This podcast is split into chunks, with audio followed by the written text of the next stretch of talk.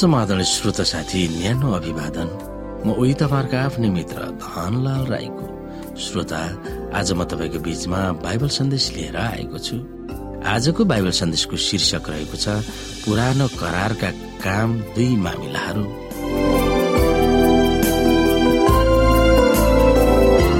श्रोता आज हामी सरासरी दुई राजा चार अध्यायको सातदेखि सडतिससम्म हेर्नेछौँ। केही समयपछि देशमा पानी नपरेकोले त्यो खोलाको पानी सुक्यो। तब परमप्रभुको यो वचन तिनी कहाँ आयो? अब झट्टै सिदोनका सारपथमा गएर त्यहाँ बस। तिमीलाई खुवाउन मैले त्यस ठाउँमा एउटा विधवालाई आज्ञा गरेको छु। यसैले तिनी सारपथमा गए तब तिनी सारपथको मूल ढोकामा आइपुगे। तब तिनले एउटी विधवालाई दाउरा बटुलिरहेको देखे। तिनले हपारेर त्यसलाई भने कृपा गरी एउटा लोटामा मलाई अलिकता पानी पिउनलाई ल्याइदियो।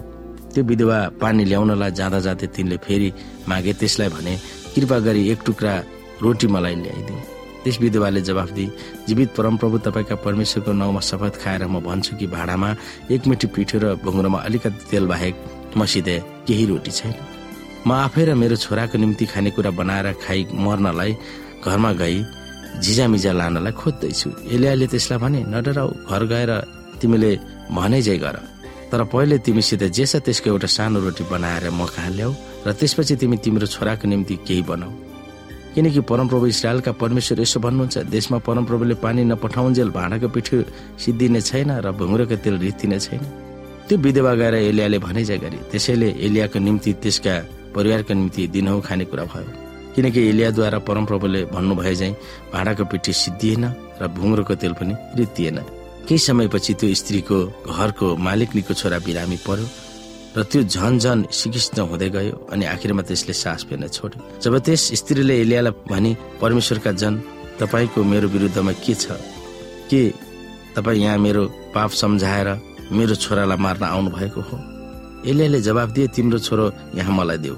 एलियाले त्यस स्त्रीका हातबाट लिएर आफू बसेको माथिल्लो कोठामा लगेर त्यसलाई आफ्नो ओछ्यानमा राखे। त्यसपछि तिनले परमप्रभुलाई कराएर भने हे परमप्रभु मेरो परमेश्वर के म जस कहाँ बसेको छु त्यसको छोरालाई मारेर त्यस विधवामाथि यो विपत्ति तपाईँले ल्याउनु भएको हो?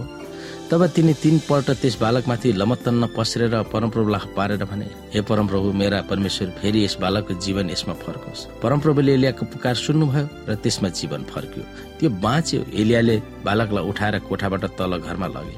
त्यसकी आमालाई तिनले दिएर यसो भने हेर त तिम्रो छोरा जिउँदैछ तब त्यस विधवाले एलियालाई भने अब मलाई यो थाहा भयो कि तपाईँ परमेश्वरका जन हुनुहुँदो रहेछ र तपाईँको मुखबाट निस्केको परमप्रभुको वचन सत्य रहेछ। यसै गरी हामी एक राजा सत्र अध्यायदेखि हेरौँ। एक दिन एलिसा सुनेम कहाँ गए त्यहाँ एउटी धनाध्य स्त्री थिइन् जसले तिनलाई खानपान गर्न जिद्दी गरे। यसैले जब एलिसा त्यहाँबाट भएर जान्थे तब खानपान गर्नलाई केही समय बस्थे। त्यो स्त्रीले आफ्नो पतिलाई भनिन् मलाई थाहा छ कि यहाँ हाम्रो बाटो भएर सधैँ जाने मानिस परमेश्वरका एक पवित्र जन हुनुहुन्छ। कोशीमा तिनको निम्ति हामी एउटा सानो कोठा बनाइदियौँ र त्यहाँ तिनको निम्ति एउटा ओछ्यान एउटा टेबल एउटा कुर्सी र एउटा बत्ती राखिदिउँ। तब तिनी यहाँ हामी कहाँ आउँदा त्यही नै बस्न सक्छन्। एक दिन एलिसा आएर कौशीको आफ्नो कोठामा गएर विश्राम गर्नलाई पल्टे। तिनले आफ्नो चाकर गेहजीलाई भने त्यस सुनम्मी स्त्रीलाई बोलाएरले। त्यसले तिनलाई बोलाएर ल्याए र तिनी ती अगमवक्ताको सामान्य उभिन्। एलिसाले आफ्नो चाकरलाई भने तिनलाई भन् तिमीले हाम्रा निम्ति यी सबै दुःख गरेका छौ। अब तिम्रो निम्ति के गर्न सकिन्छ? कि हामी तिम्रो पक्षमा राजासित अथवा सेनापतिसित तिम्रो केही कुरा गरिदिन सक्छौ? तिनले जवाफ दिइन् मेरो आफ्नै मानिसहरूका बीचमा मेरो घर छँदैछ। एलिसाले गेहजीलाई भने तिनको निम्ति म के गर्न सक्छु? गेहजीले भने तिनको कोही छोरा छैन र तिनका पति वृद्ध छन्। तब एलिसाले भने तिनलाई बोला। तब गेहजीले तिनलाई बोलाएर ल्याए र तिनी ढोकानी र खडा भए। तब एलिसाले भने यही समय अर्को वर्ष तिम्रो काखमा एउटा छोरा हुनेछ। तिनले भनिन् होइन होइन मेरो प्रभु हे परमेश्वरका जन आफ्नी दासीलाई नछकाउनुहोस्। तर तिनी गर्भवती भइन् र अर्को वर्ष एलिसाले भनेकै समयमा तिनले एउटा छोरा जन्माए। त्यो बालक बढ्यो र एक दिन त्यो आफ्ना बाबु कहाँ गयो जो कटनी गर्नेहरूसँग थिए। त्यसले आफ्ना बाबुलाई कराएर भने मेरो कपाल दुख्यो मेरो कपाल दुख्यो। त्यसका बाबुले एउटा नोकरलाई भने त्यसलाई त्यसकी आमा कहाँ लैजा?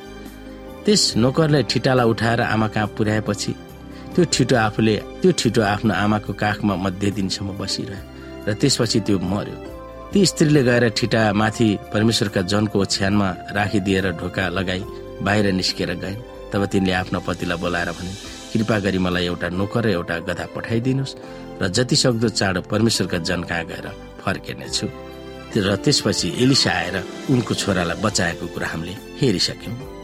श्रोता हामी हिब्रू एघार अध्यायको पैतिसमा लेखिएको कुरालाई हेर्न सक्छौ। स्त्रीहरूले आफ्ना मरेकाहरूलाई पुनरुत्थानद्वारा जीवित पाएको कुरा। यहाँ लेखकले दुई पुनरुत्थानको बारेमा चर्चा गरिरहेका छन्। जुन माथि हामीले हेर्यौं उल्लेख गरिएको छ। पहिलो पुनरुत्थान एक राजा सत्र अध्यायको आठदेखि चौबिसमा इजरायलको इतिहासमा इजरायलीहरूले परमेश्वरमाथि विश्वास त्यागेर मूर्ति पूजाहरू गरेर भ्रष्ट भएको थियो। राजा आहाफ र उनकी श्रीमती इजबेलको प्रभावमा वर्षाको देउता बाललाई मानिसहरूले पूजा गरेका थिए।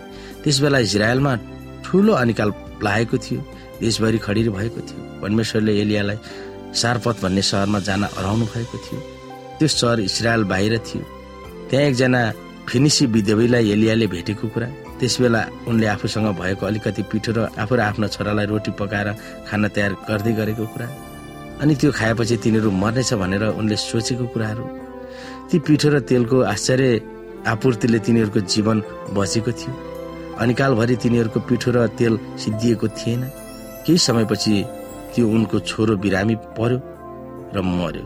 व्याकुल भएर आमाले एलियासँग छोराको निम्ति बिन्ती भाव गरे। एलियाले परमप्रभुसँग कराएर प्रार्थना गरे। यस बारेमा लेखिएको छ।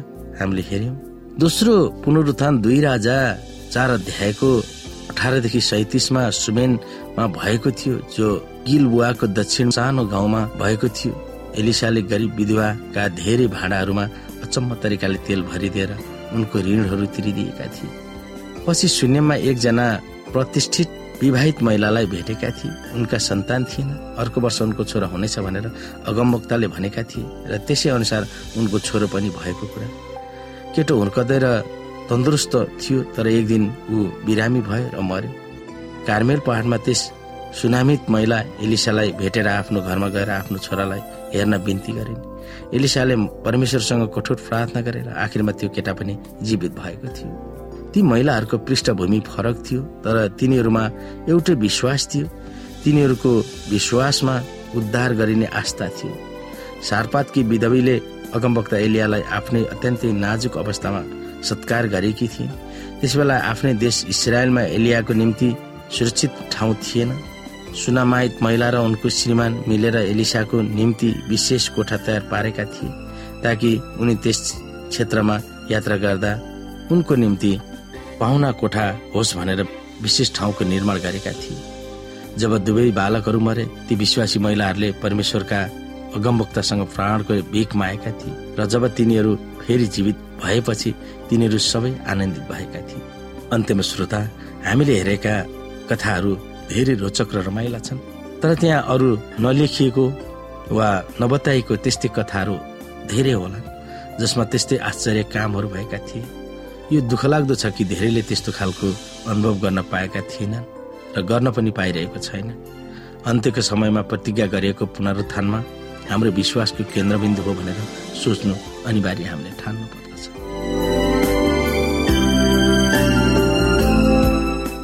श्रोत साथी आजको लागि बाइबल सन्देश यति नै। हस्त नमस्ते जय मसिंह।